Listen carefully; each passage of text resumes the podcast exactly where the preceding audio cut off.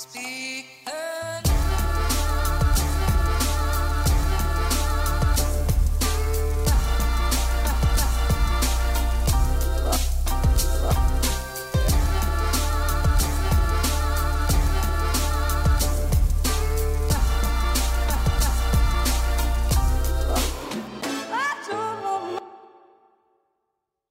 og velkommen til Klagemuren. Eh, mitt navn er Kevin Kildahl, og det er Hva er det i dag? Det er lørdag. Og det er lørdag 21. januar. Klokka mi er 10.30, og jeg sitter Jeg i en skinnstol på hotellrommet mitt, Comfort Hotel Trondheim, som er Som har blitt liksom min som faste. Mitt faste hotell i Trondheim. Og Hovedsakelig så er det fordi det, det er et kult hotell. Jeg liker å være her. De ansatte er ganske De, de er flinke, og de er hyggelige, og de, og de har en bra Altså, jeg, jeg spiste nattmaten min her. Får meg en panini. Jeg tror jeg har spist Siden jeg kom hit, har jeg spist tre panini. To, eller den ene var fette god, og så kjøpte jeg to i natt når jeg kom hit, og de eh, det, det var noe rart. Det var spicy chorizo. Og jeg tenkte, ja, det var sikkert det jeg spiste i, i går. Det var ikke det jeg spiste i går. Jeg spiste noe helt annet i går. For spicy chorizo, det smaker urfett. Det er noe av det verste jeg har spist i mitt liv. Men, men, men, men. Det er sikkert for noen. Det er sikkert et produkt for noen. Um, uh, uh, ja. Beklager, for eh, jeg hadde egentlig jeg hadde begynt å spille inn på onsdag. Eh, da begynte jeg å spille inn en episode, og så eh, kom eh, Så, så ble det kaotisk, fordi at eh, Det her må ha vært Jeg lurer på om det Ja, det må ha vært på tirsdag. Fordi at vi hadde vaskedag. Vi skulle vaske klærne våre, og, og Julianne er på jobb, sant? Men jeg har lagt opp ei liste. Jeg begynte å lage lister bare lage dagslister, gjøremål, ting. Etter hvert som jeg kjemper ting, så er jeg jævlig snabb og bare lager de som et gjøremål i kalenderen min. Og det har hjelpa meg veldig. Så det er liksom en sånn der Det er en liten, eh, en liten anbefaling fra Kevins side, rett og slett. Lag deg liste. Og det er ikke banebrytende. Det er altså hvis du, hvis du tenker ordet sjølhjelp og, og eh, mobilen din eh, Hvis du sier ordet sjølhjelp i din egen stue, sånn at uh, Alexaen din eller TV-en din eller bærbaren eller mobilen eller hvor, hvordan enn som helst enhet du har som er kobla opp mot nettet, som, som sitter og lytter til alt du, alt du sier, hvordan enn som enhet som tar opp da og sender det videre, så vil du få masse linker og sånn. For uh, du må gjerne kalle meg en konspirasjonsteoretiker, men jeg får da faen ikke til å stemme at, at, at det seriøst påstås at det ikke blir lytta til og fanga opp. Jeg tror ikke det sitter ei gammel kjerring og røyker på et kontor og hører på samtalene mine. Det tror ikke jeg.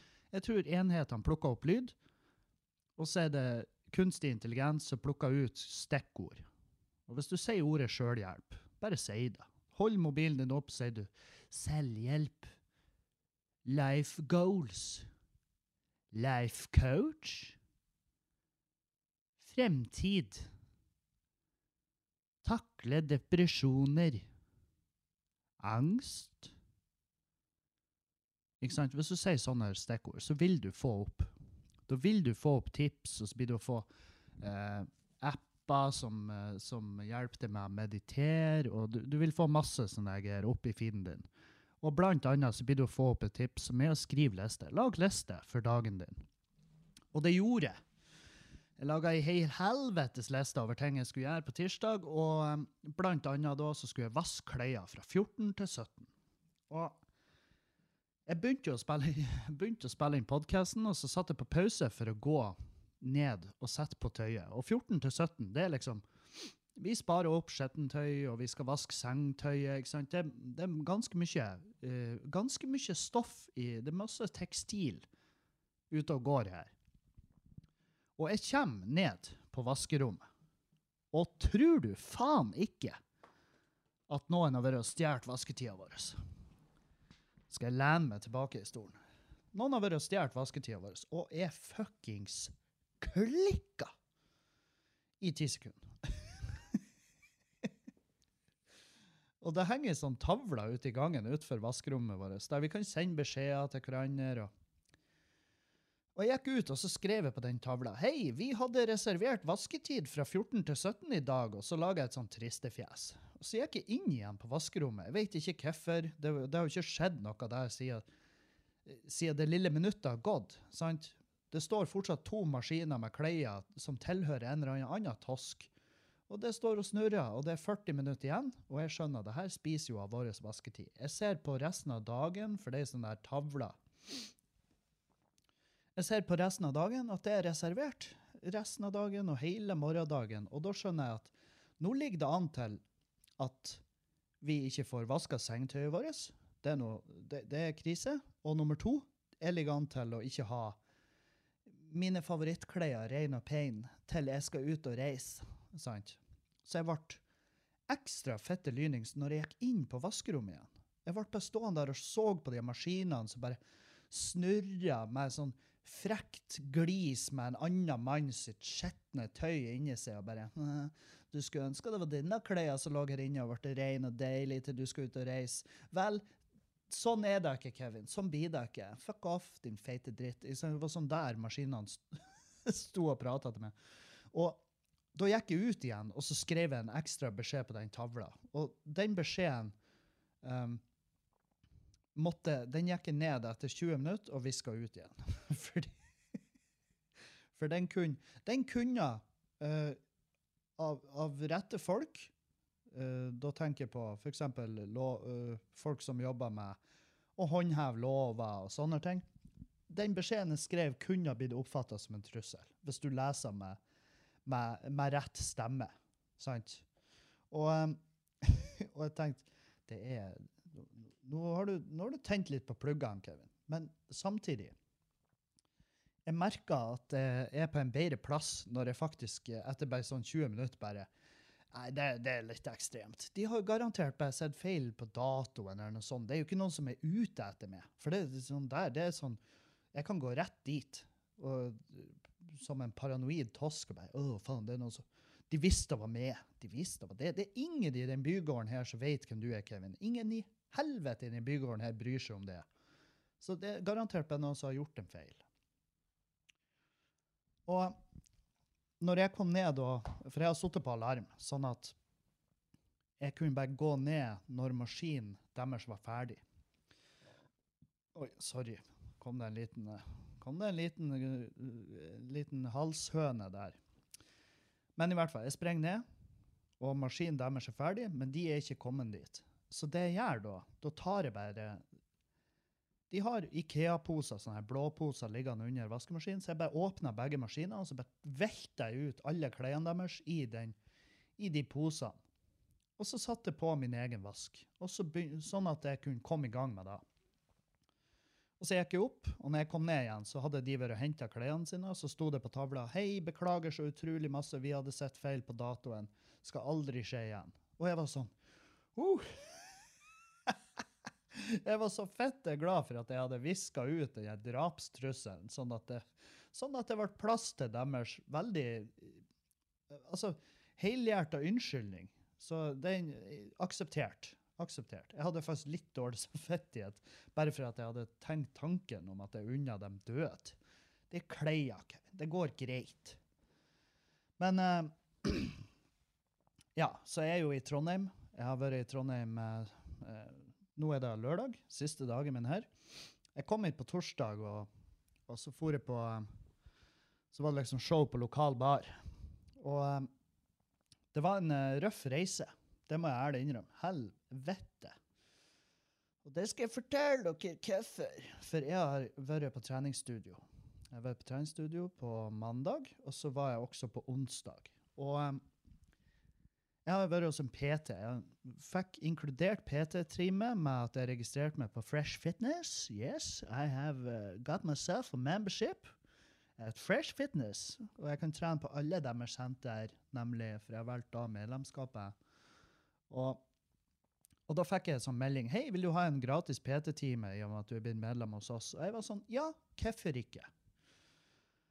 Og jeg drar bortover på treningsstudioet på mandag. Jeg har med meg treningstøyet. Det har jeg funnet fram. Det lå i en djup, djup, djup skuff. Den, var kjem... altså, den er så djup, den skuffa der. Og, og helt nederst så fant jeg liksom shortsen, og så fant jeg fram ei skjorte. Jeg har jo sånn treningsskjorte. Du vet sånne sånn som er bare sånn fin kjem, ja, Det er modal, eller faen. Jeg vet ikke hva det er for noe. Det, pus, det, det tørker fort. Det er det som er poenget. Og det, jeg får ikke svettflekker i de, sånn som jeg gjør på absolutt alt annet tekstil. ja, du, bare gi meg det. Jeg svetter gjennom et pisselaken. Jeg gjør helvete. Etter, etter de runder med vaksiner, så har svetta mi den har bare rundet ut. Det er bare jeg kan tappe flaske hvis jeg har lyst. Ikke, og, men hvorfor faen skulle jeg gjøre det? Det er et, det er et nisjeprodukt. Jeg er ikke den type influenser at jeg kan selge svetta mi på Onlyfans, dessverre. Hadde jeg kunnet det, så hadde jeg vært filthy rich.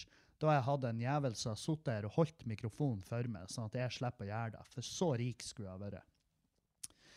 Anyhow, jeg får, jeg får bortover til min første PT-time, skal møte han treneren. og jeg innser oppe i garderoben at, uh, at den treningsskjorta jeg har tatt med meg, den har, den har jeg vokst ut ifra. Uh, den har jeg vokst ut ifra, så den er tight as a motherfucker. Og, og, men jeg tok henne på meg. Og så um, gikk jeg ned, og jeg hadde genser utpå, men det, det var ganske varmt. Og jeg begynte å få litt sånn der, ja, litt sånn angstnykker, for jeg er ikke noe glad i å være på treningsstudio. Men det, det går jævlig fort over. Jeg trenger bare å være der en dag, så er det i orden. Um, men jeg tar av meg genseren og får trør i den supertighte. Jeg ser ut som jeg jeg ser ut som ei sjøku som jeg har bare fått på seg en sånn strømp... Du vet de strømpene du kjøper på taxfree-en for å, å ut utpå flaske, sånn at ikke de skal knuses i bagasjen din. Sånn følte jeg meg. Jeg bare kom inn der som en finmaska, fanga sjøku. Og jeg setter meg ned på kontoret til min nydelige, fantastiske PT, som er en, en flott, flott ung mann som er bare høgd ut av marmor. Og så har de smekka på han en sånn frustrerende bra hårvekst. Og han har liksom sånn her Altså, det er brystkassa, Hun bare hun er så langt ute at jeg har lyst til å sette kaffekoppen på den. Jeg har lyst til å bruke den som et nattbord. Altså, han kunne ha sittet på sida av senga mi, og jeg kunne ha balansert ting på brystet hans. Flott mann, godt trent, og jeg skjønner veldig fort at han her har peiling på hva han snakker om.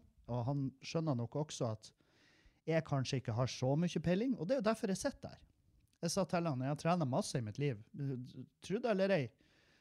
Jeg trener masse i mitt liv, men det har vært røk og napp, og det er ganske lenge siden. Og den kunnskapen jeg har, er mest sannsynlig altså Den er for det første rudimentær. Det er, altså det er bare Det er det mest basice av det basice, men Men uh, Hva jeg skulle si?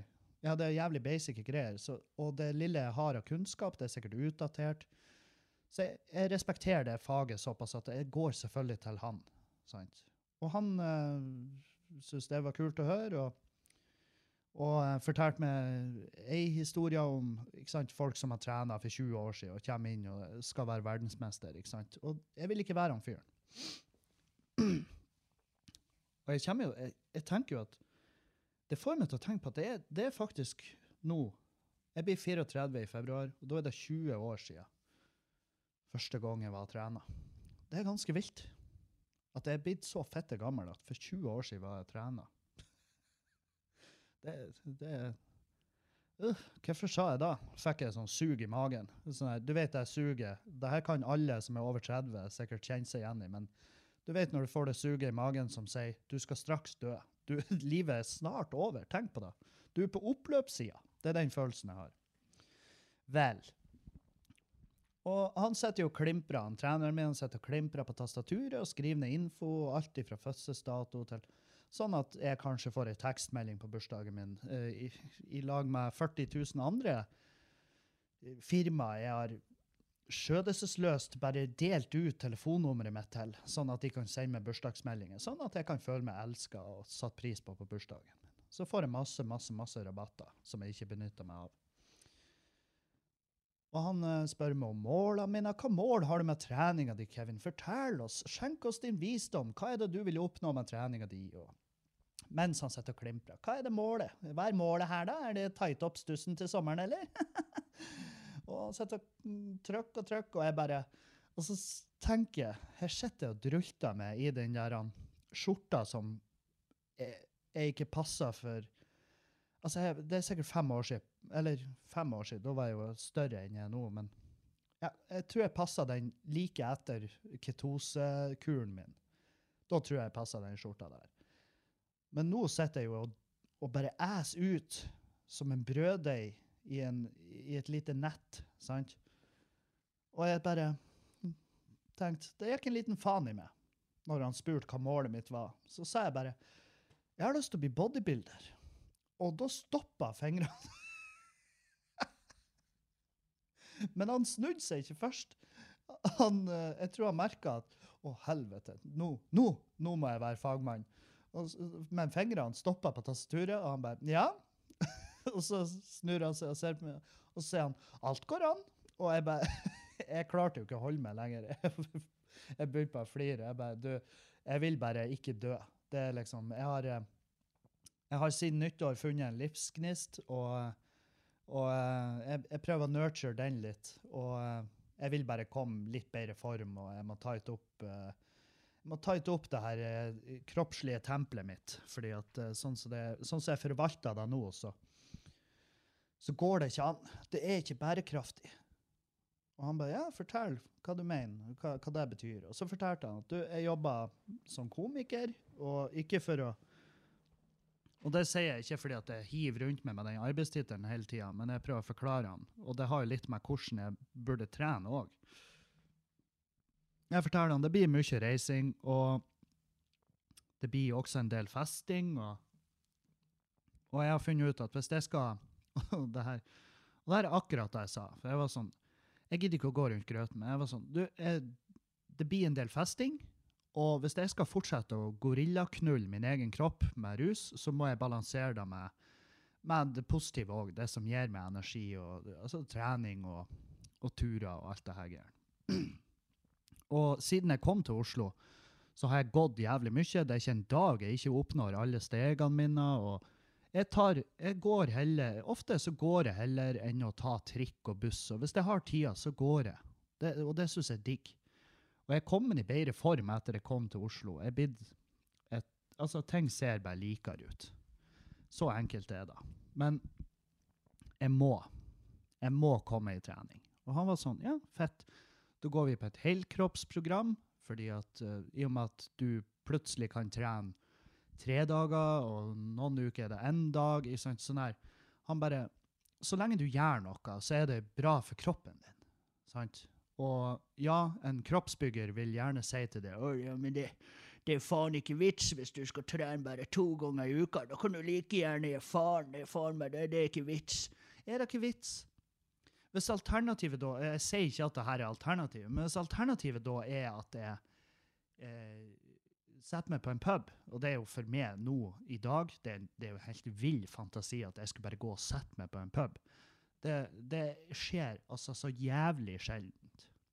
Det har skjedd her i Trondheim mens jeg har vært her. Jeg gikk på Three Lions og satt meg der. Men det er fordi det er nostalgi for meg. Det er deilig. Det er, art, det er liksom en pub jeg har vokst opp på. Det var der jeg gjorde mine første steg ut i, ut i et reflektert voksent liv. Etter jeg bodde, når jeg bodde her i Trondheim. sant? Og Det var deilig å møte han Dougie igjen. Og jeg tok meg en øl der mens jeg så på tennis. Og jeg har aldri sett tennis i hele mitt liv. Aldri. Aldri sett tennis. Jeg syns det virka som en fette kjedelig sport. Og effekter bekrefta når jeg satt der og drakk en korona mens jeg så tennis. For jeg la merke til klokka på skjermen. At den ikke gikk opp. Altså, den sto på 5 kolon 06. Og så bare gikk den så jævlig sakte opp. Og så spurte han Dougie bare, Dougie, how long has this match been going on? Og han var sånn uh, Five hours. og jeg bare Hæ? Og han bare Ja, den har pågått i fem timer. Den var i New Zealand. Og den lokale tida der, mens jeg satt og så matchen, da hadde de spilla seg langt ut i natta. Klokka var tre på natta i New Zealand, der de drev på. To voksne menn og slo en ball til hverandre. Og ja, jeg vet det. Jeg, jeg skjønner at det her er en helt sinnssyk sport, og de, treng, altså, de må være i en vill form for å takle det der. Og det har ikke jeg skjønt før nå. Fordi at hvis du skal stå fem timer og spille badminton med kompisen din, alt du greier Altså, de slår Du hører jo hvert jævla slag. Og det er ikke lov, altså publikum har ikke lov å lage lyd, så det er fette dryppstille der. Så du må bare høre på de her superintense stønnene til de to mannfolkene som står og pines på femte time. Det er altså viljestyrke som jeg ikke kan Jeg kan ikke drømme om å noensinne oppleve et nanogram av det driten de går gjennom. Satan for et gjeng. Og han Dougie kunne fortelle meg at han ene tennisspilleren der, han, han, har, han har ei han ei metallhofte. Han har ei, met ei metallhofte. Så det var ekstra tortur for han der gamlingen å stå der og, og, og slå ball med han unggutten som faen meg så vidt svetta. Og, og jeg tenkte bare OK, ja, den sporten her er ikke for meg.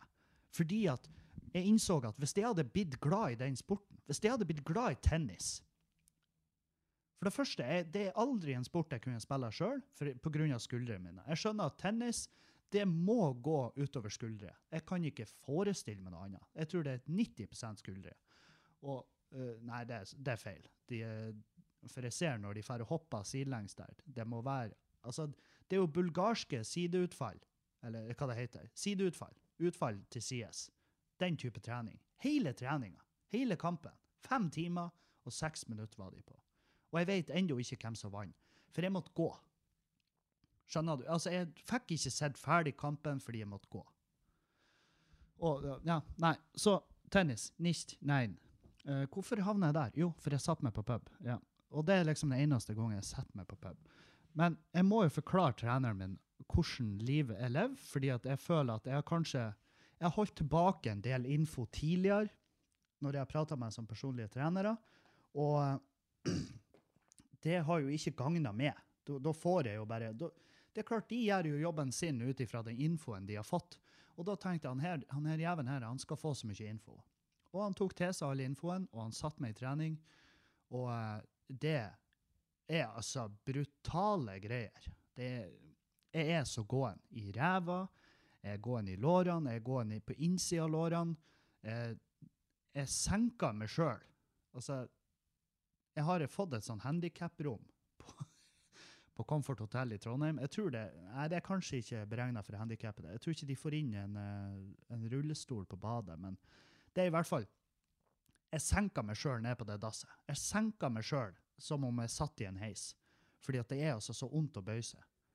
Og, og ja, det er første uka jeg vet at det her går over, men det, det overrasker meg altså hver gang hvor jævlig det er å være støl.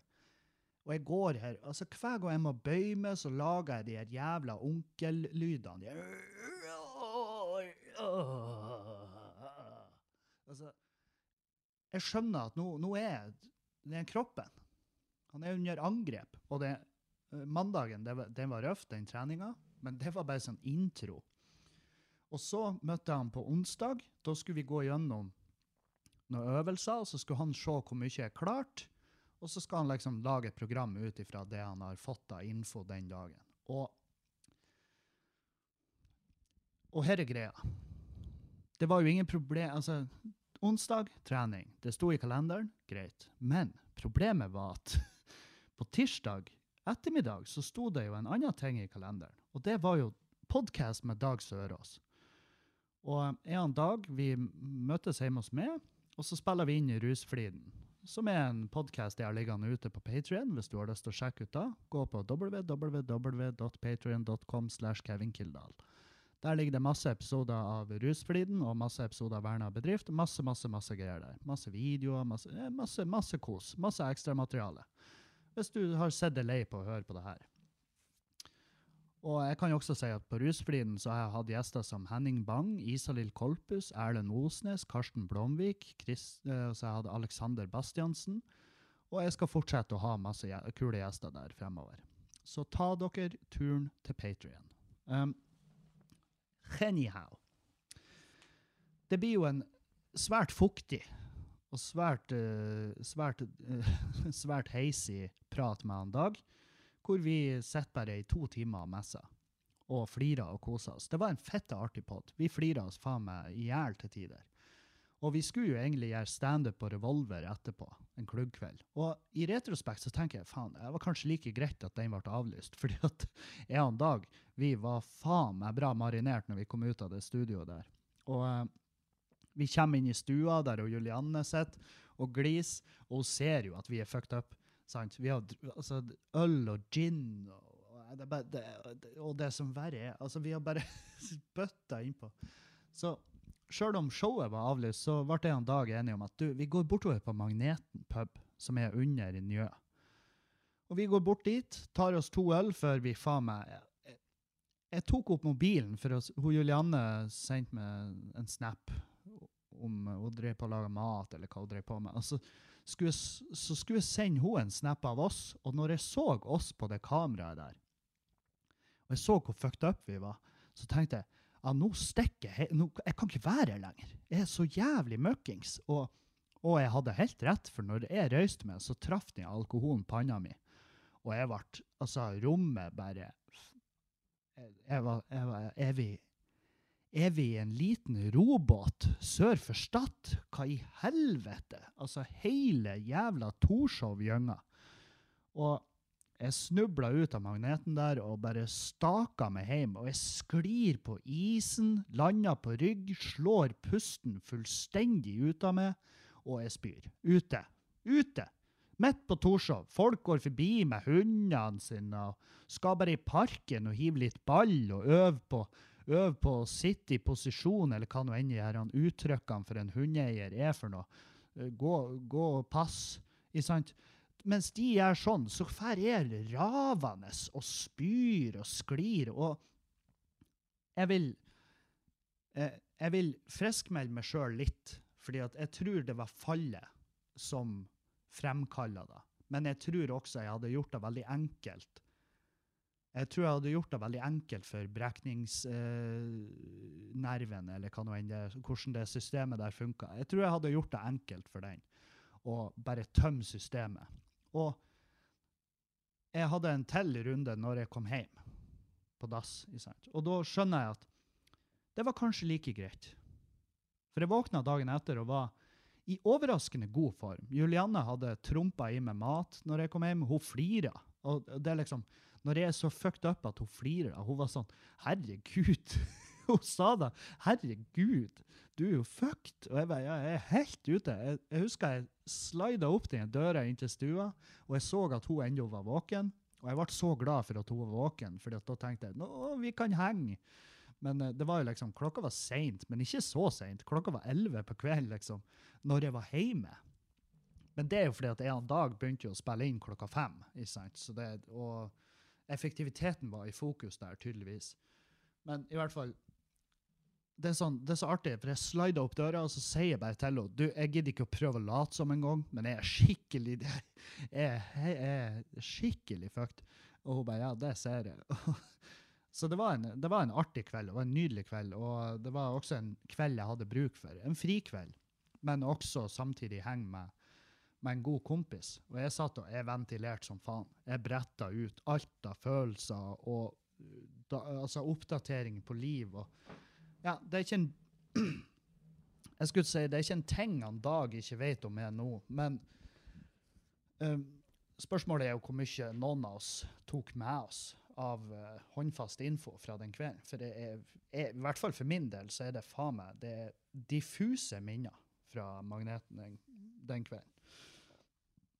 Men i hvert fall, da, så skulle vi jo dagen etter. Sant? Dagen etter er det trening. Heldigvis klokka tre. Men uh, altså Men jeg var jo ikke, jeg ikke top dog når jeg for bortover. Jeg var først, først så var jeg på tanken faen skal jeg sende han en melding.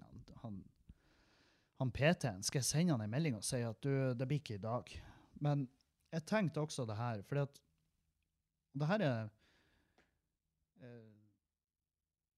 Det har bare det har, det har imponert meg å se på han Dag. For han, uansett hva han har gjort dagen før Altså om han har om han Dag har stått på haug, som i en sånn college party, house rules-type sånn der han American Pie-film, stått på haug over en keg med gin tonic og bare kølt i seg 40 liter med rent brennevin, så er han fortsatt oppe og sprenger dagen etter, som jeg har sett på som en sånn der Hva i faen er det du holder på med-stemning? Altså, hva i svarte satan er det som driver det?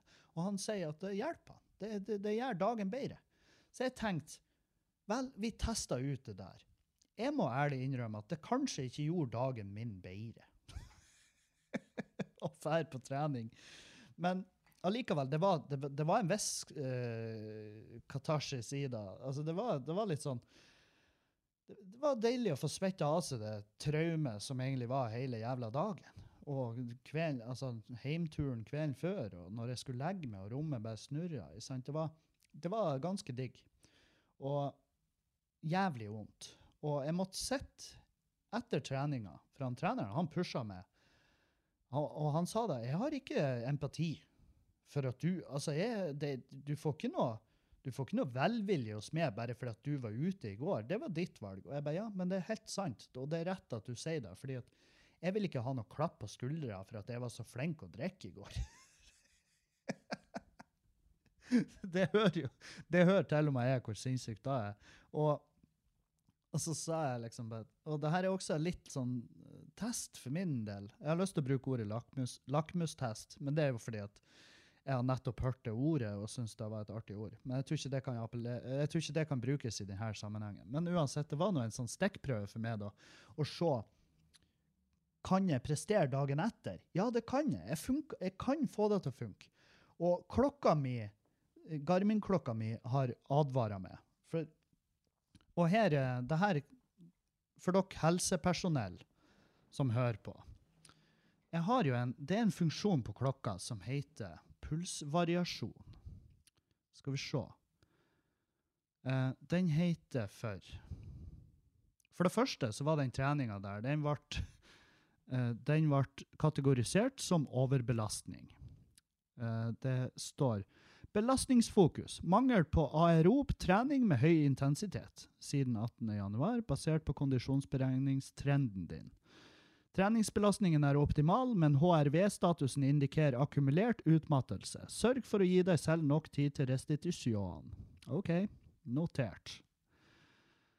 Um, men så har du den pulsvariasjonen. Og den syns jeg er litt sånn Av en eller annen grunn så syns jeg den er litt skummel. Og den er litt skummel, for han er kjempelavt. Uh, han er 47 millisekunder nå.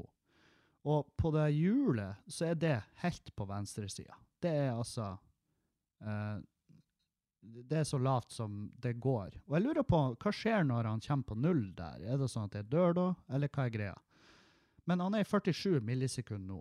Og det er beregna ut ifra et sju dagers gjennomsnitt. Og jeg ser jo, hvis det går på fire uker, så har den bare datt og datt og datt. Den har bare blitt lavere og lavere og lavere. Og lavere. Og jeg vet ikke helt hva det her pulsvariasjonen er for noe. Skal vi se. Pulsvariasjonsstatus er en statistisk måling av spesifikke endringer i tiden mellom etterfølgende hjerteslag. Garmins pulsvariasjonsmåling tas mens du sover, og gir deg et syv dagers gjennomsnitt av pulsvariasjonen din, sammenlignet med den grunnleggende pulsvariasjonen din. Ja, og Jeg vet, altså Jeg vet ikke. Altså Det som er greia, da, det er at de siste dagene så har jeg sovet dårlig. Det vet jeg. Fordi at uh, jeg bor på det her hotellet, og jeg er glad i det hotellet. her. Jeg er. Det eneste jeg ville ha endra, er kanskje det her glass det her glasskyvedøra inn til dass. Det vil si at altså når du har ei glasskyvedør inn til dass, så vil det si at du får ikke Du kan ikke ha med deg noen på det rommet her. Altså, doks, du og kjæresten din skal altså ha et helt sinnssykt forhold. Skal ha et helt sinnssykt forhold. For at, for at jeg skal kunne ligge i senga mens kjæresten min er på dass. Altså, jeg og Juliane har bodd her før, og da jaga hun da jaga hun meg ut når hun skulle på dass, og så jaga jeg hun ut når jeg skulle på dass. Og og det jeg er glad vi har det sånn. Jeg er glad at vi ikke sitter med åpen dør og driter foran hverandre. Det er ikke et mål. Det er ikke couple goals for min del. Så det er kanskje det jeg ville endra med det hotellet. Det er glasskyvedøra. Det, det, det er en dritdårlig idé, Stordalen. Hvem enn som har sagt det her til det, hvem enn som har sagt det her til det, det er bullshit. Uh, så vi jeg må svare Julianne på en melding, for hun, jeg tror hun er på tur eh, å gå på en sånn, sånn svindelgreie. Sikkert svindel, utropstegn. Fikk samme. Sånn. Eh, men ja. Det hotellet her, eh, det rommet har, det er i andre etasje på rommet. Og rommet leder ut mot ei veit utfor hotellet. Og i den veita foregår det noe arbeid. På, eh, det foregår noe arbeid der. Og det arbeidet begynner klokka sju om morgenen. Tydeligvis. Og eh, jeg kom hit på torsdag, gjorde show på lokal bar. Ute og drakk etterpå i lag med noen venner. Hei, Tobias. Hei, Tine. Hele gjengen. Det ble et jævlig kult gjeng. Og så går jeg og legger meg uh, altfor seint. Men jeg, jeg hadde det så jævlig artig. Jeg kosa meg, og jeg var ute og jeg var sosial, og jeg tenkte, vet du, det, her er ikke ofte. Så jeg, jeg utnytta det. Jeg, jeg utnytta det når, når jeg er klar. Jeg, når jeg har lyst til å være sosial, så må jeg faen meg, da må jeg bare høre på den. Og jeg var ute, og jeg var vel i seng i firetida. Og så begynner de med et heidundrende helvetes arbeid utfor hotellet her, rett utfor rommet, på brustein. Altså, og det durer så inn i faen. Altså, det, det er så kort imellom byggene her at den lyden fra det tunge maskineriet Det tunge maskineriet mellom byggene, det er bare Altså, det er bare Rommet mitt ble til en basskasse. Og jeg, jeg holdt på å dette ut av senga. Jeg, jeg holdt på å pisse meg ut. Jeg var så redd. Og da våkna jeg klokka sju. Da våkna jeg klokka sju, og sånn ble det. Faen, jeg må bare se på pause, for Julianne er på tur og spinner av kloden, ser jeg. Ja, da eh, var vi tilbake. Um, det var en um, Det, blir- eh, fort en liten energiforandring. Og eh, det, det var jo en, det var en samtale som var viktig at jeg tok, tror jeg. Viktig for oss begge. Um, og det var det, Nå har vi hatt oss en liten runde med hvor, hvor vi begge har hyperventilert litt. Vi har ikke krangla. Det, det, det er nok mer snakk om et, en liten angst. en bitte liten lørdagsangst der rundt lunsjtider. Og, um, men ja, jeg snakker om uh, det, det, går bra. Det går bra, folkens. Det gjør det.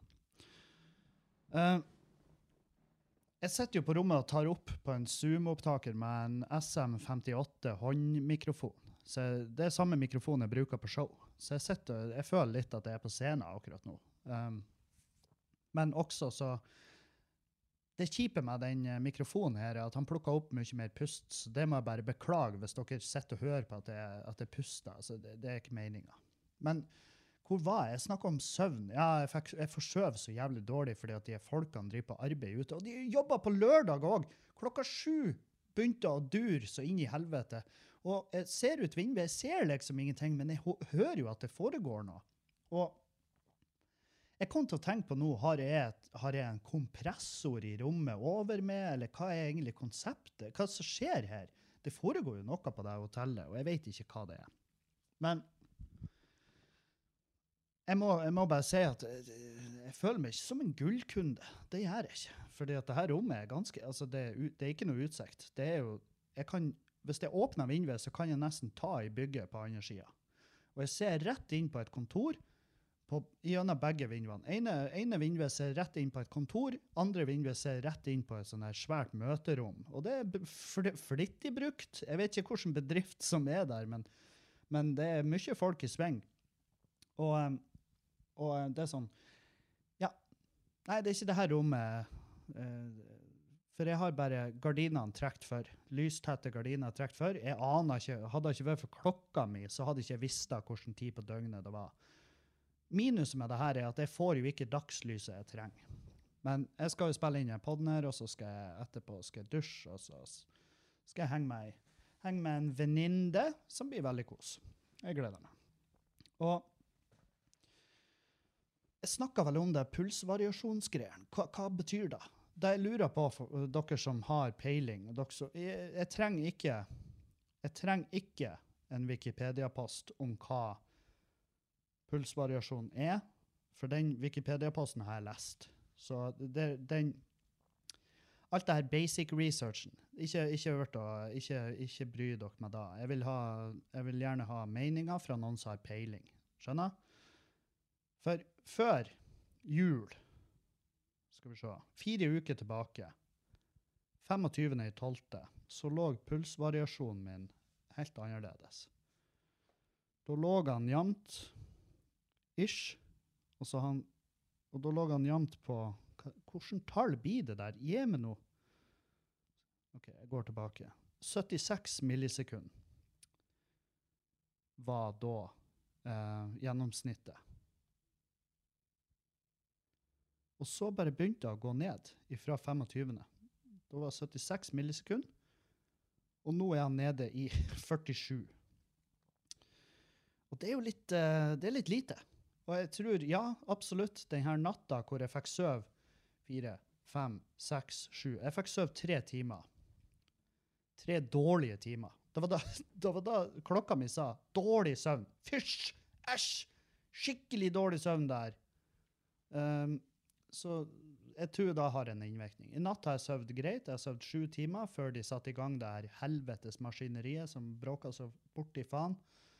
Og, um, og jeg har også da bare slått meg til ro med at kanskje jeg må finne meg et annet favoritthotell i Trondheim.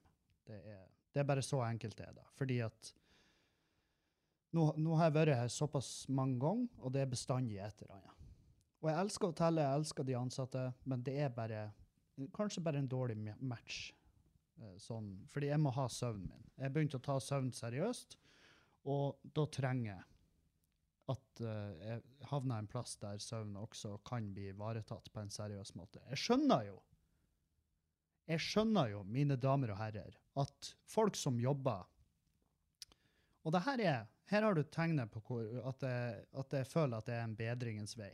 For Kevin før jul hadde nok ikke sett Jeg hadde ikke hadde, Jeg hadde trengt en voksen til å si til meg at Kevin, du må jo forstå at de som jobber ute, kan jo ikke justere sine arbeidstider sånn at de passer overens med dine arbeidstider.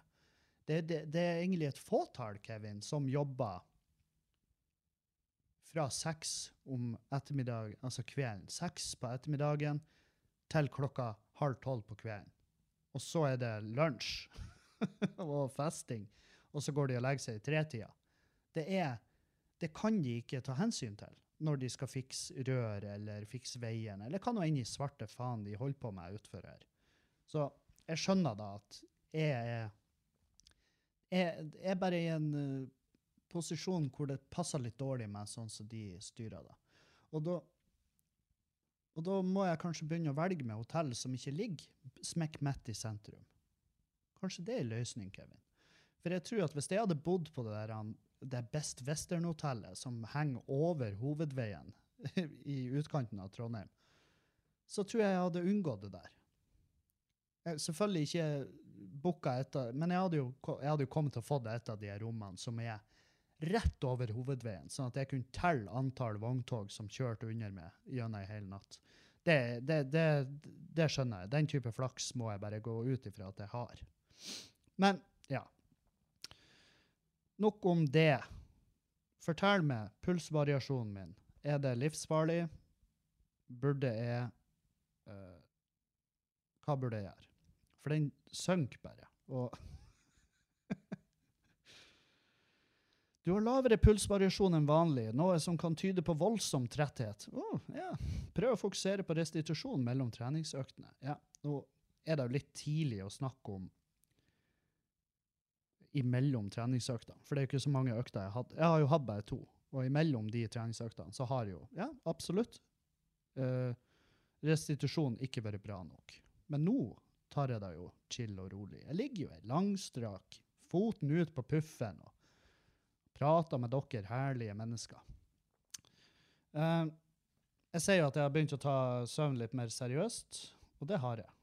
Uh, jeg har fått en CPAP-maskin, som er en sånn puste, pustemaskin som eh, Det er vel ikke en pustemaskin. Han, han, han tilfører oksygen, så ja, han hjelper meg å puste. Og han hjelper meg å puste når jeg stopper å puste sjøl. Det er det som er hele konseptet. Og det gjør jeg om natta. Da bare stopper jeg å puste av og til.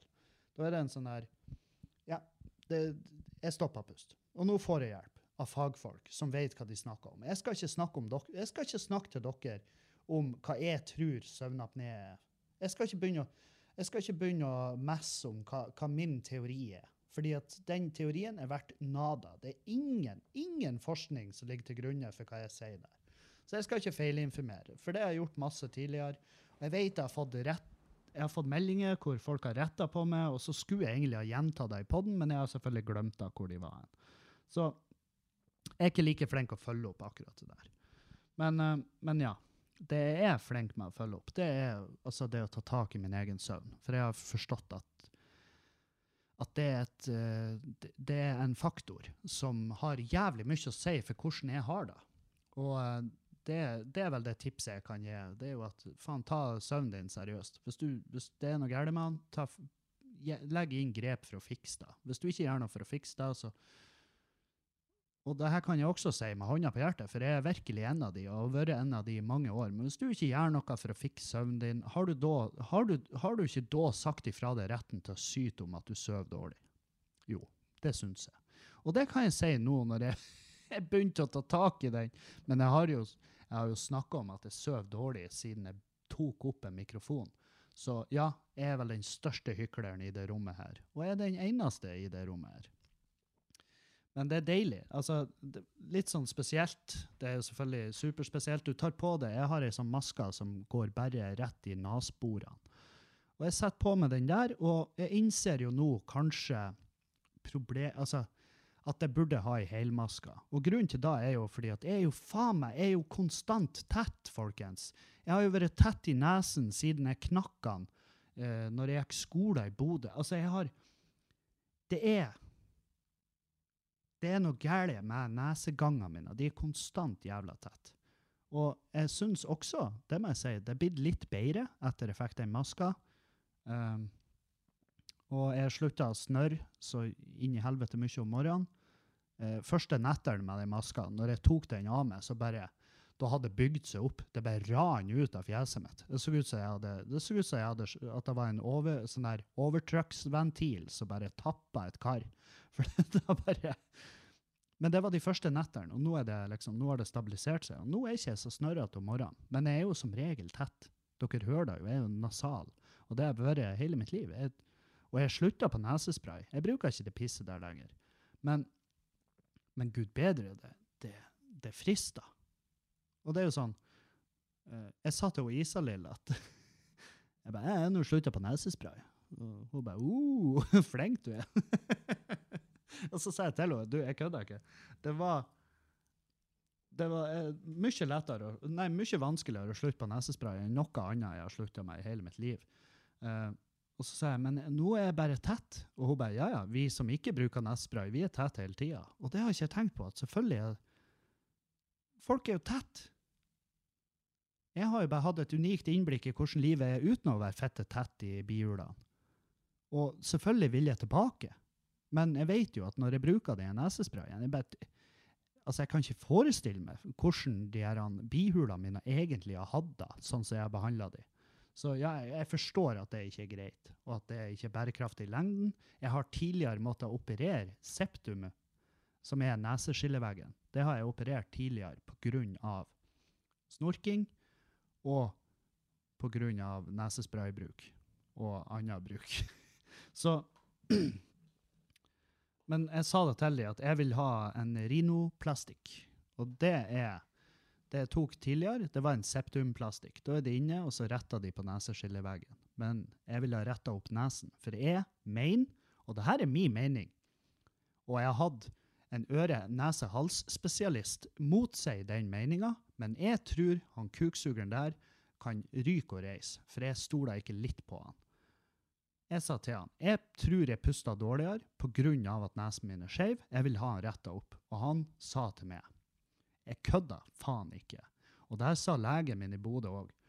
Eh, vi blir ikke å gjøre det. Altså, vi blir ikke å dekke det her fordi at du vil ha retta opp nesen din av kosmetiske grunner.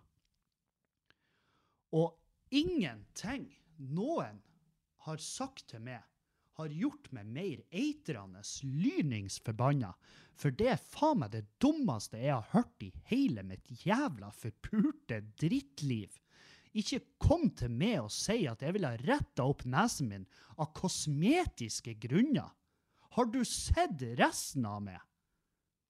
Er det ikke, er det ikke glimrende åpenbart at jeg gir meg revnende faen i hvordan jeg ser ut?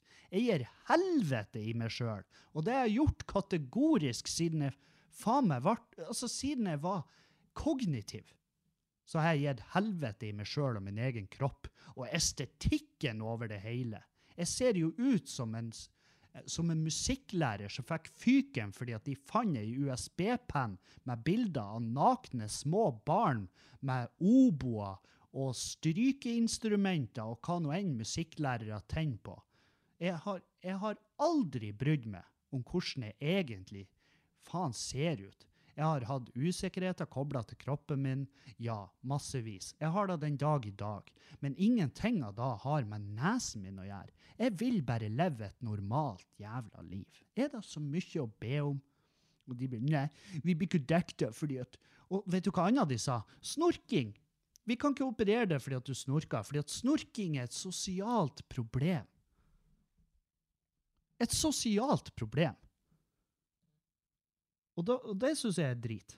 Det syns jeg er ganske drit sagt. Fordi at det er ikke bare et Altså, det er kanskje foreløpig et sosialt problem.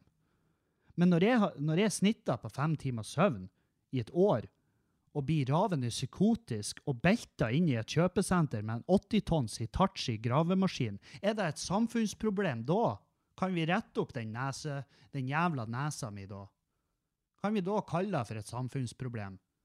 Og si at å ja, de 20 livene som gikk tapt i det der, i, når Kevin var i en vill psykose bak spakene i en gravemaskin, det var et sosialt problem som gikk om til å bli et samfunnsproblem. Og nå har vi retta opp nesen, og han Kevin angrer for det han har gjort. Han er veldig glad for at alle de som måtte gi sitt liv den dagen, var medlemmer av Sian. sånn, at, sånn at ikke tragedien var så jævlig knusende. Det var en tragedie, ja, det er synd når mennesker mister livet, men la oss være ærlige. Det kunne ha vært verre. Det kunne ha vært et skolekorps. Og der er jo, ja, og der er folk som har ekstreme meninger om korps òg, men det er nå engang ofte barn. Og de, de fortjener en real sjanse på det her livet. Det tenker nå jeg. Å, satan. Ja. Det, ja. det blir jeg sikkert cancela for. Masse. Cancel i vei. Helvete heller. Altså, det er bare, jeg bare venter. Jeg sier så mye idiotisk i løpet av et år. Jeg syns det er helt sinnssykt at ikke jeg allerede har hissa på med en eller annen marginal gruppe som bare 'Å, jeg gir meg faen ikke før han har mista hus og heim'. Ja, lykke til! Still deg i kø! det, du blir neppe å komme Sparebanken i forkjøpet når det gjelder det der å miste hus og heim. Så minner meg på, hvis noen har lyst på et hus i Bodø, ta kontakt. Vi skal selge. Vi skal kvitte oss med kåken, og det er ikke noe vi gjør med eh, Det er ikke noe vi gjør frivillig, men vi har innsett at det her å ha et hus og et heim, det er forbeholdt en helt annen klasse enn oss.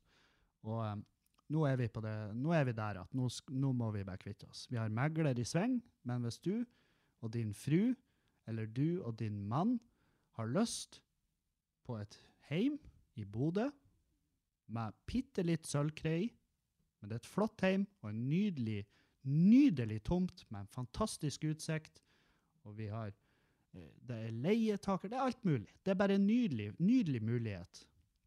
Ta kontakt. Dobbeltgarasje. Hva mer trenger du? Det er en dobbeltgarasje. Kom. Kom og kjøp. Kom og handel. Hvis du, hvis du slenger fem mill. i bordet i dag, så kan vi snakkes. Men hvis du kommer til meg med 4,2, så sier jeg beklager. Det her er nok litt utafor din, eh, din liga. Men, eh, men eh, vi ønsker deg lykke til på jakten. Det er sikkert et det er sikkert et busskur ute i Saltstraumen som har innlagt 12 volt strøm som du har råd til. Det er faen meg, det er sånn det er. Det er altså så hore fette dyrt å skulle, skulle bare være på tanken om å skaffe seg et hjem i dag. Og ja, nei, det, det er helt vilt. Men jeg sa til Julianne, for det her er jo hele det her bankstyret. Vi fant jo ut at vi har 7,2 i i lånrenta, så, som er jo Sparebanken sin måte å si kan dere være så snill å fuck off, finne noen andre å plage? Og jeg bare, hei, det tok meg litt for lang tid å skjønne det hintet. Men nå er vi nå en gang der. Og så skal vi kvitte oss med det, og så skal vi si sayonara. Og det eh, gleder vi oss til, men jeg tror ingen gleder seg mer enn Sparebanken. Herregud. De tok en råsjanse på oss, og, vi, og det kommer jeg for, for alltid å være glad for. Men den, den råsjansen, det var, liksom det var så jævlig typisk under pandemien. Altså, det var så tydelig at, at uh, det var da jeg innså at Og før jeg sier det her, så må dere vite at det er uh, jeg som har innsett at det er jeg som er dum. Sant? For jeg innså i pandemien at oh, bankene er jo ikke der for oss. Bankene er jo der for at noen skal tjene seg groteskt rik oppe en plass. Det er derfor bankene finnes. Det er, og det er derfor alle bedrifter finnes. En bedrift finnes for at noen har lyst til å tjene penger på hva nå en slags produkt de leverer. Og bankene er der for å tjene penger, ikke for at jeg skal få meg et hjem. Og hvis de har muligheten til å skru opp renta, ja, da kan du være fette trygg på at de gjør det. Og bankene er der for seg sjøl, ikke for meg. Og derfor, gjennom pandemien, når jeg spurte om ja, f.eks. sånne rentefritak og betalingsutsettelser, når, når nedstengingen kom og liksom tok ifra oss både pubdriften og turnélivet, og de svarer nei. Jeg husker en, en gang i løpet av pandemien, vet du hva de svarer når jeg spurte om fritak? Så svarer de norsk økonomi er i vekst. Vi anser pandemien som over. Og jeg var faen meg, jeg tok salto. Jeg var sånn, det må være, og det sa jeg til han kundebehandleren, for jeg satt på telefonen og så sa jeg, det må være sykt for det å sitte og si den setninga, for jeg hører på stemmen din at du tror ikke på det her sjøl. Og han sa nei, jeg gjør ikke det. Men det, det, det liksom Det står her. Vi anser pandemien som over. Og jeg var sånn Fy faen, det må være deilig. Det må være deilig å sitte bak den her grusomme glass- og stålfasaden og kan si de her tingene uten å må se folk i øynene mens du sier det. For dæven, jeg skulle ha sett den personen som har greid det mens de holdt maska. Så jeg vet ikke hvordan utopia dere lever i. Om Sparebanken har et helt eget, om de har ei privat øy der alle de kundebehandlerne sitter og ser ut og bare Nei, jeg sitter og ser ut vinduet, og her er ikke noe pandemi her. Nei, men det, det er jo fordi at dere har forskansa dere på ei uberørt øy i Middelhavet. Derfor. Dere, dere gikk i land der, sa at det her tilhører oss, og så heiv dere ut de, de, de, de, som bodde der fra før, den, den, eh, den stammen av tidlige mennesker som ikke har vært berørt av, av vestlig samfunn noensinne. Dere heiv de ut, for de har ikke penger til å betale husleia der borte. Så dere bare stilte opp renta til 7,2, og så spenna dere de utfor kaia. Og selvfølgelig er det ikke noe pandemi der. Det er et sånn utopia dere må, jeg ser for meg at dere bor i. Når dere, kan, når dere kunne med hånda på hjertet påstå da. Men ja, vi skal selge det huset. Og det skal bli deilig å få det ut av verden. Fordi at um, jeg har Og jeg har jeg, det er for mange ting. Jeg har lagt altfor mye lykke og altfor mye kjærlighet og altfor mye arbeid i å skaffe meg ting. Ting og tang. Materie materielle greier. Alt fra gressklippere opp til fuckings høyttalere til, til eh, Altså, det er bare så masse sånne greier som jeg har hatt et jag om at jeg har lyst på det der, jeg vil ha top notch, jeg vil ha top notch eh, snøfres, vil ha top notch bil, vil ha alt, alt skal være det beste, det fineste, og det dyreste, og det deiligste, og det nyeste, og det mest teknologifulle, og det mest Mer plastikk! Mer plastikk! Konsumer! Skaff, kan jeg få, kan jeg bestille? I stedet for i stedet for å kjøpe alle de nye fine tingene laga i plast, så har jeg bestilt meg Jeg vil bestille meg 14 europaller levert rett fra Kina med blokker med bare ren plastikk, sånn at jeg kan smi med nye, fine ting i plastikk som jeg kan eie, og så kan jeg løfte opp og vise det til vennene mine. Få vennene mine på besøk og bare 'Å, se på plastikktingen jeg har kjøpt for, for 10 000', og det er den nyere modellen enn den forrige, som som jeg betalte 8000 for, men den er jo gammel, og den har ikke Bluetooth. Men det har den her nye, fine tingen som koster 10, og den er mye bedre enn den gamle. Men den gamle, den, den tar jeg vare på. Den tar jeg vare på i tilfelle jeg får bruk for den. Du vet jo aldri når du trenger to av den her nye, fine tingen laga i plastikk. Det har vært et sånt satans jag på ting og tang.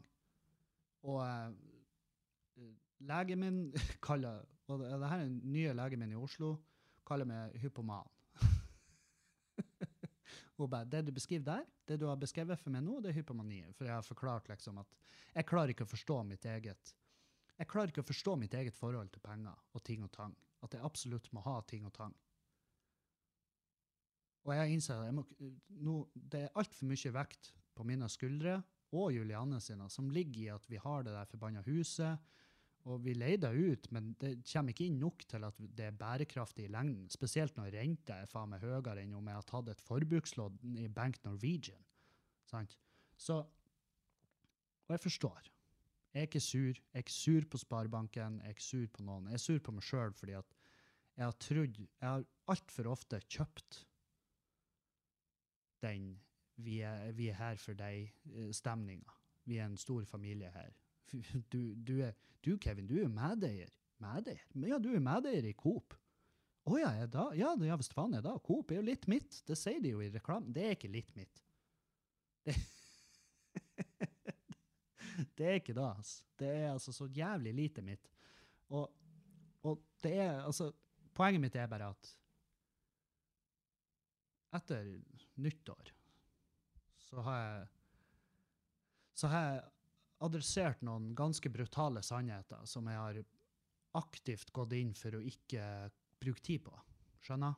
Jeg har gått aktivt inn for å ikke ofre deg en tanke, fordi at jeg vet at når jeg ofrer en tanke, så må jeg innse realiteten, som er at nå må jeg stikke fingeren i jorda, og så må jeg faktisk bare se hva er det som foregår her. Og det som foregår rundt meg, har ikke vært bra, men det er på en bedringens. Fordi at jeg har vært hos lege, jeg får henvisning, og nå skal jeg få hjelp til de her tingene. Og det blir deilig. Og det var deilig å komme til en lege som hadde lyst til å henvise meg videre.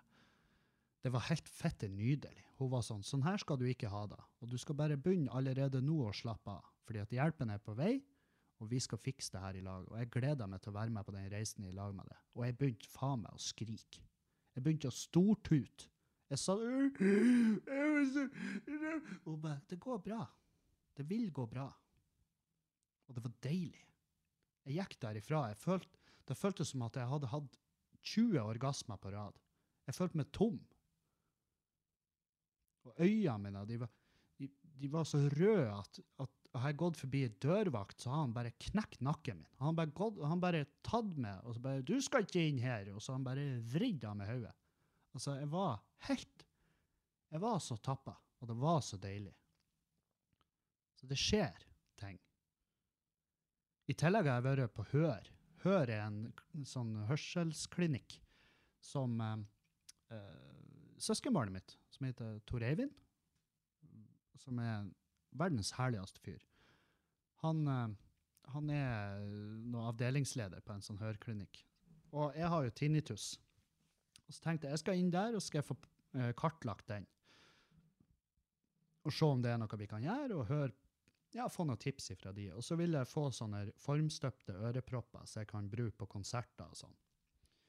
Fordi at jeg, synes, jeg får så vondt i ørene. Jeg får vondt av diverse lyder og sånn, og jeg sa det her til de når jeg var der og skulle kartlegge, og så var de sånn, vi skal ta en til test òg. Og så tok vi en test som da skulle vise at jeg har noe som heter hyperakusis, som er Så vi se, nå skal jeg ikke Jeg skal ikke gjøre noe dumt. Jeg skal ikke ut ifra minnet prøve å fortelle dere akkurat Oi. Nå ble det lyd her, men jeg kan Det er fordi at jeg er på ei webside. Sånn. Og det er, noe, det er ikke noe skummelt. Hyperakusis, når lyd gjør vondt. Der har du med. Da tok vi en test, og vi fant ut at jeg har hyperakusis. Og det er styrkeavhengig lydoverfølsomhet. Høyfrekvente lyder er ofte hovedproblemet, som f.eks. glass- og bestikklyder, mm, motorlyder, mm, togvining, ringeklokker osv. Misfo misfoni er sterk aversjon og motvilje mot enkelte lyder, som f.eks. spiselyder og kroppslyder. Det, det har ikke jeg følt så mye. Men jeg har hyperakusis. Og det forklarer en del. Og det skal vi begynne å behandle. Og hva? Hvordan behandler man det? Jo, man behandler det gjerne med høreapparat. Så onkel Kevin skal altså få seg et høreapparat. Eller to, for det er jo ett hvert øre. Og for å behandle den. Og du kan behandle hyperakusis. Du kan behandle det og bli kvitt det. Og det gleder jeg meg til. Hvis det faktisk er et faktum. Om jeg må gå med høreapparat resten av livet, det gir jeg meg faen i. Jeg gir helvete. Oh, det er sjenerende. Nei, vet du hva som er sjenerende? Det er å være gæren. Å bli gæren fordi at inntrykkene rundt deg bare er så sterke at du, at du klarer faen ikke å holde deg sjøl på stasjonen. Så der òg. Det skjer altså så jævlig mye, mine damer og herrer, og jeg gleder meg. Jeg, for første gang på jævlig lenge så har jeg jeg har på ekte en skikkelig Jeg gleder meg til å se hva framtida bringer. Fordi at det er sånn der Ja, ja, 2023 blir et fantastisk år i forhold til 2022. Fordi det vet jeg. Og hvordan vet jeg da? Jo, fordi for det første, det skjer ting. For det andre Hvis det blir verre, så dør jeg. så det er sånn, Da blir ikke jeg å sitte Da sitter ikke jeg her i 2024 og, og messer om, om eh, hvordan, hvordan 2023 var. Da, det, det spørsmålet vil ha et Det vil være svara på av seg sjøl. Og det På ekte. Altså, jeg Nei, det føles dritdigg. Jeg ser et lys i enden av tunnelen, og jeg gleder meg som faen. Det er på ekte nydelig. Jeg skulle eh, Jeg skulle eh, gi dere et tips før jeg, før jeg takker for meg i dag. Eh, og det tipset er hvis du For jeg, jeg har innsett at jeg har mye lyttere som Jeg har lyttere som har IBS, og jeg har lyttere som har IBS i forskjellige grader, og lyttere som har IBS som de behandler forskjellig òg. og jeg kan Jeg har jo ikke IBS, men uh, jeg har kjent meg igjen i mange av symptomene. Og det tror jeg er fordi at angst og IBS ofte samarbeider godt i lag. Og uh, angst, det vet jeg jeg har. Det er ikke, det er ikke et spørsmål. Og angst har jeg takla før, og det skal jeg takle igjen. Men der er en app som heter Nerva-app. Og den vil jeg altså så jævlig varmt anbefale hvis du plages med magen, eller, altså den, og den har hjelpa meg masse. Og jeg eh, Spesielt å innrømme at at det at hypnose har hjulpet. For jeg har hele mitt liv så har jeg tenkt at hypnose det er noe jævla bullshit. Men hvis du tror på det, ja, da funker det. Og jeg tror på det på ekte. For helvete, det er en sinnssyk følelse å gå inn i en hypnose med hjelp av en app. Men helvete hvor deilig.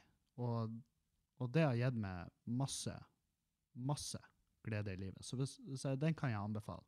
Det koster penger. Det koster 799. Men da får du seks uker med program som du skal følge.